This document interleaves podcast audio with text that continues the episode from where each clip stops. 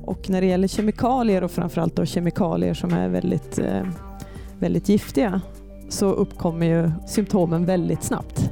Och det är därför det är viktigt att ha ett triagesystem för just kemikalier.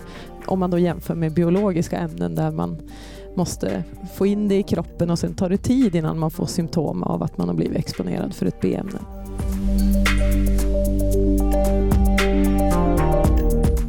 Ja, det finns ju förstås principer för hur man tar hand om skadade, men eh, de system som finns idag, de kan se ganska olika ut. Eh, det kan till och med vara så att akutsjukvården har ett annat system än vad ambulanssjukvården har och det kan också skilja mellan olika regioner.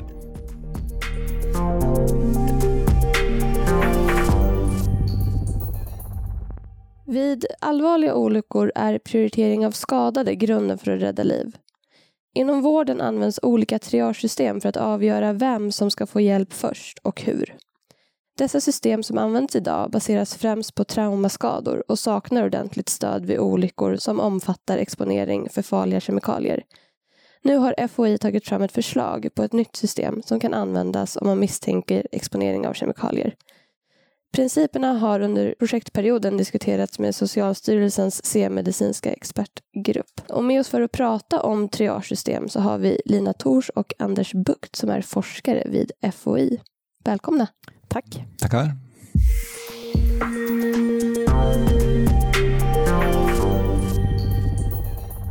Kan ni börja beskriva vad är ett triagesystem och varför är det här så viktigt?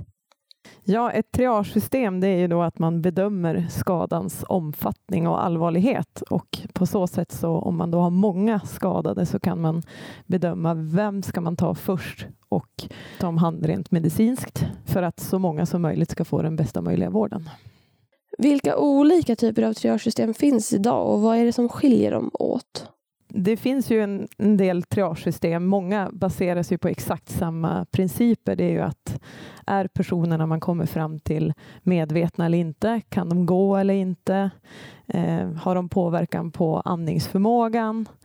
Eh, och så vidare. Vilken puls har de till exempel? Och det är det man då baserar det på och det är ju främst då vid så kallade traumaskador, att man har blödningar eller sånt som gör att man blir påverkad av det hela. Vilket man då tycker att för kemskador så kanske det inte alltid passar in i den där formen som det, som det finns idag. Och det är därför vi har gjort ett förslag på ett annat, på ett tillägg för att kunna förbättra det. Just det, och de som finns idag, är de någon form av global standard eller är det, finns det mer nationella etiska principer som är styrande i det här? Ja, det finns ju förstås principer för hur man tar hand om skadade, men de system som finns idag, de kan se ganska olika ut.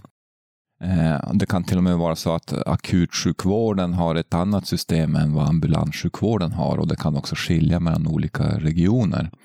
Så här ser vi ett behov av att man ska ha ett mer likvärdigt system över hela landet. Eh, det kan också skilja mellan olika länder vilka system man har, men i princip så fungerar de på ganska likartat sätt alltså i prioriteringen av skadade och hur man agerar i första omhändertagandet. Och på sjukhus förstås. Och nu så har vi tagit fram ett nytt system som kan användas om man misstänker exponering av farliga kemikalier. Varför behövs det? Ja, först ska vi säga att det, det, är ett förslag till ett system som vi har tagit fram. Eh, de som implementerar och eh, sätter systemet i bruk, det är ju sjukvårdsregionerna som gör det och det är ju upp till dem att göra det. Eh, så att vi har utifrån då den vetenskapliga grunden som finns bakom det här och de studier vi gjort så har vi tagit fram ett sådant förslag till dem som de nu har fått. Eh, och det vi har hört har man då till, till viss del redan börjat implementera det systemet i vissa regioner, men det, det kan se lite olika ut. Och behovet är ju förstås då att vid, vid kemiska exponeringar så finns det inga riktigt enhetliga principer för hur man ska gå tillväga. Och det, det har också funnits en stor osäkerhet för vilka kemikalier ska vi ha en beredskap. Och där ger vi också lite hjälp på vägen utifrån vårt perspektiv vad vi ser de stora riskerna är. Och det här nya systemet, innefattar det bara exponering från kemikalier eller är det bredare än så? Nej, det är ju bara för kemikalier och det har ju flera anledningar. Dels så jobbar ju vi med kemikalier, så det är det området som vi kan. Eh, den andra är ju att är den här bokstavsserien då CBRN och E som finns. Och det står för? Kemiska, biologiska, radiologiska, nukleära och explosiva ämnen. Så ser, när man blir exponerad för någonting sånt, så ser själva förloppet för hur man märker att man har blivit exponerad för ett C, eller ett B, eller ett R eller ett N olika ut. Och när det gäller kemikalier och framförallt då kemikalier som är väldigt, eh, väldigt giftiga så uppkommer ju symptomen väldigt snabbt. Och det är därför det är viktigt att ha ett triagesystem för just kemikalier. Om man då jämför med biologiska ämnen där man måste få in det i kroppen och sen tar det tid innan man får symptom av att man har blivit exponerad för ett B-ämne. Så därför blir inte det här akuta triagesystemet lika viktigt för den typen av, av ämnen. Är det några särskilda kemiska ämnen som man behöver upptäcka tidigt? Ja, det, det, finns ju flera sådana ämnen som, som det är väldigt viktigt och framförallt är det sådana ämnen där man behöver ett medicinskt omhändertagande väldigt snabbt Eh, för att kunna som, behandla på rätt sätt och framförallt när det gäller att rädda livet. En, en del kemikalieförgiftningar är ju direkt livshotande. Eh, sådana exempel är ju eh, kemiska stridsmedel som, som vi har som vår specialitet. Nervgaser är en sån grupp av ämnen där man behöver ta som hand väldigt kvickt och där det finns antidoter som man kan ge. På liknande sätt så är det vissa opioider behöver också antidoter. Det behövs också ett snabbt omhändertagande. Eh, cyanidförgiftning på samma sätt är det också ofta väldigt bråttom att ge rätt behandling i tid. Och därför behöver man upptäcka den förgiftningen väldigt snabbt. Eh, sen finns det andra förgiftningar som är kanske lite mer vanliga som förekommer i många sammanhang och det är inhalation av retande gaser.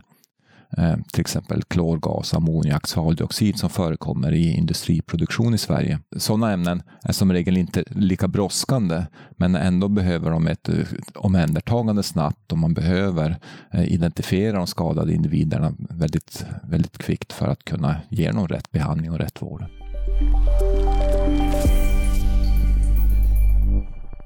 Hur identifieras då de skadade individerna? Vad är symptomen till exempel?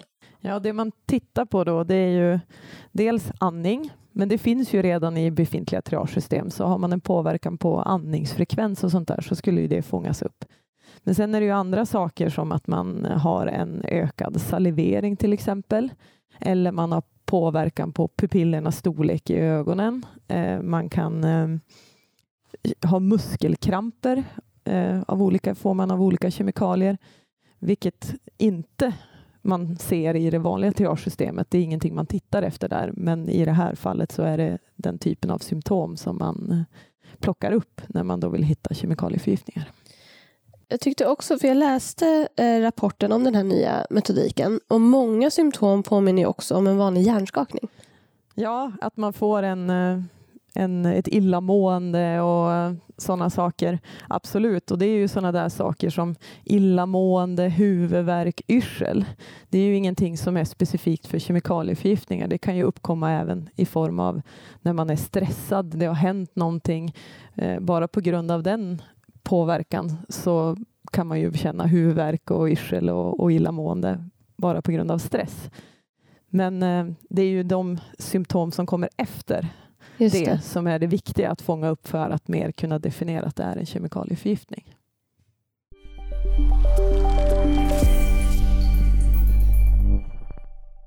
Inom ramen för er studie så har det genomförts triageövningar. Vad är syftet med dem och hur går en sån övning till? Ja, det finns ju på olika sätt eh, och eh, som det man då kan läsa om i rapporten så dels så kan det ju vara triageövningar där man faktiskt har markörer, alltså folk som spelar förgiftade och man som eh, deltagare får gå in och öva på, ja men nu har vi ett antal förgiftade personer. hur ska jag hantera dem? Hur ska jag triagera dem? Vilka ska vi ta hand om först?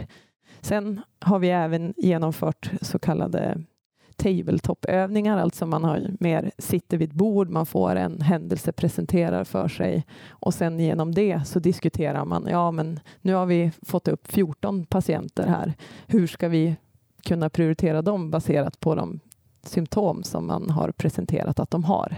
Så det är ju på olika sätt. Dels det papperstorra kan man säga och sen även faktiska övningar där folk är förgiftade fast de spelar ju förgiftade då såklart. Eh, så det är ju de två bitarna man kan göra för att se om ett system fungerar till exempel. Och hur väl stämmer en sån typ av övning in med verkligheten och skarpt läge? Hur mycket liksom tar man med sig? Kan man säga något om det? Ja, man, man försöker få det att efterlikna så mycket som möjligt, men det, det går inte att göra helt och hållet, för vi, vi kan inte jobba med de riktiga ämnena i övningssammanhang. Utan eh, precis som Lina sa så använder man skademarkörer, då, personer som, som efterliknar symptomen och, och, och, spelar skadade och sen så får de öva det, liksom, känna igen och göra, göra det så verklighetstroget som möjligt. Men man försöker göra det så, så lik, likt en, en verklighet som, som det bara går. Eh, förutom övningar så jobbar vi också med utbildningsinsatser. Så vi har rena utbildningar och, och träning mer i en utbildningsmiljö. Och sådana utbildningar håller vi på att planera just nu där då triage är en del av, av det som, vi, som ingår i utbildningspaketet. Och för, förutom triage ingår det ju andra moment också. Hur ska eh, vårdpersonalen skydda sig när de kommer till en olycksplats om det är så att eh, det kemiska ämnet fortfarande finns kvar? Hur gör de en riskbedömning? Hur kallar de på hjälp? Alltså vilket extra stöd kan finnas tillgängligt? Hur ska man sanera en person som är kontaminerad med, med kemiska ämnen? Så triage är ju en del av ett, ett, större sammanhang, ett större paket av åtgärder man gör vid en, vid en skadeplats och för den delen även vid en akutmottagning på ett sjukhus. Och Det övas ju också, så att ibland övar man ju hela kedjan av, av åtgärder, inte bara själva triagedelen. Hur kan en, eh, en skadeplats se ut för en ambulanspersonal som kommer fram? Är det liksom mycket rök eller kan det vara sådana försvårande omständigheter som man också behöver ha med i en övning? Ja, en skadeplats kan man ju säga är nog man kan inte säga att en skadeplats ser ut på ett visst sätt. För det beror ju helt på vad som har hänt. Har det skett en explosion i samband med utspridning av ämne till exempel? Ja, det är klart att det kan vara rök eller att det är brand som gör att man blir förgiftad så är det såklart att rök kan vara en sån sak. Eh, så det hur skadeplatsen ser ut rent, rent allmänt, det kan man inte riktigt beskriva på ett sätt. Men det som man generellt kan säga är att på en skadeplats, när räddningstjänst kommer dit först och har blivit ditkallad för att det har hänt någonting, så spärrar man ju av området där man tänker att det är här det finns en risk. Och sen så utifrån de olika då zoner beroende på, ja men i den här zonen här finns det faktiskt en risk att bli kontaminerad. Det kallas ju för den röda zonen.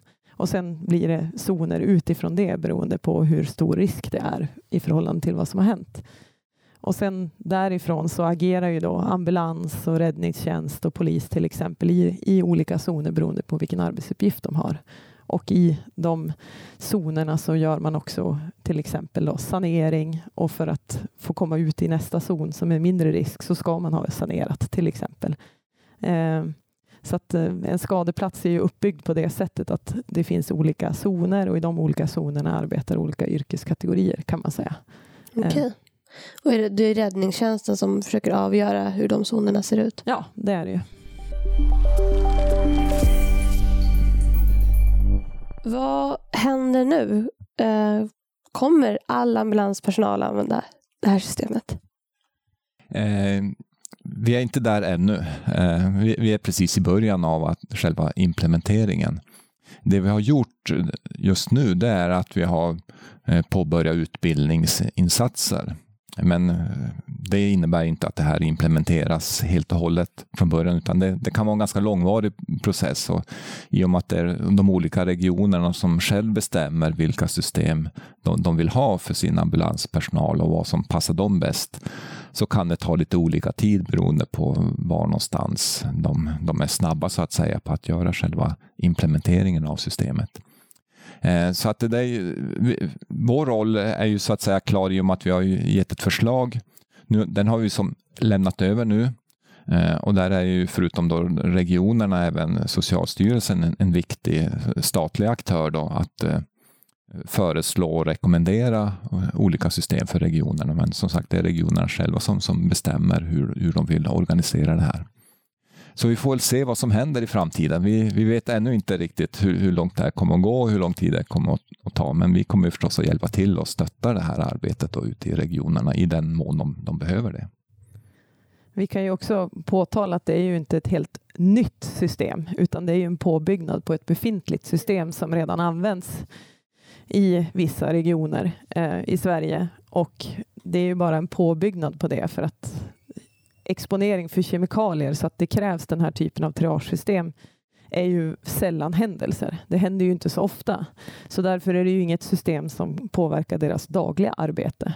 Men den dag det väl händer så kan det vara viktigt att man har något som då bygger på något som de redan använder och därför blir det enklare att använda den här typen av system. I, liksom, i den vetenskapliga litteraturen finns det C eller CBRN-triagesystem som är helt separata system eh, som är föreslagna. Men det kräver ju också att till exempel ambulanspersonal får en utbildning i ett helt nytt system som de då ska komma på att använda när det väl blir en kemikaliehändelse till exempel. Medan det här bygger ju på samma principer som det de redan idag använder och det borde ju i alla fall göra att det blir lättare för dem att använda det. Hur är det? Man har väl i regel ett triagesystem per, på, ett, alltså på ett sjukhus eller går man efter flera? Nej, det är ett som används Ja. och eh, därför vill man ju fortsätta ha det som grund och bara i sådana fall lägga till när det blir särskilda händelser. Har ni några lästips för den som vill fördjupa sig mer i ert system till exempel? Ja, vår rapport. Precis. Triagemetodik för exponering vid kemiska ämnen. Ja, det är ju en, en FOI-rapport. Eh, sen finns det ju publikationer inom området som vi refererar till i rapporten, så vi rekommenderar den som första läsningen. Och sen har vi kommit ut med en, man kan säga en uppföljning av det hela, för det finns kemikalier som eh, har väldigt lika symptom. Eh, och i det fallet så krävs det att man kan särskilja den här typen av förgiftningar för att kunna ge rätt medicinsk behandling. Så där har vi en, eh, en uppföljande rapport som handlar om eh, skillnaden i symptom, eller snarare likheter och vilka skillnader finns mellan till exempel nervgasförgiftning och opioidförgiftning, för de ger, har väldigt överlappande symptom. Men det finns några saker som man kan använda sig av för att kunna särskilja dem. Eh, för de har väldigt olika behandling om man då kan konstatera att vilken sorts förgiftning det är vid ett tidigt skede. Hur skiljer sig då de, de behandlingarna?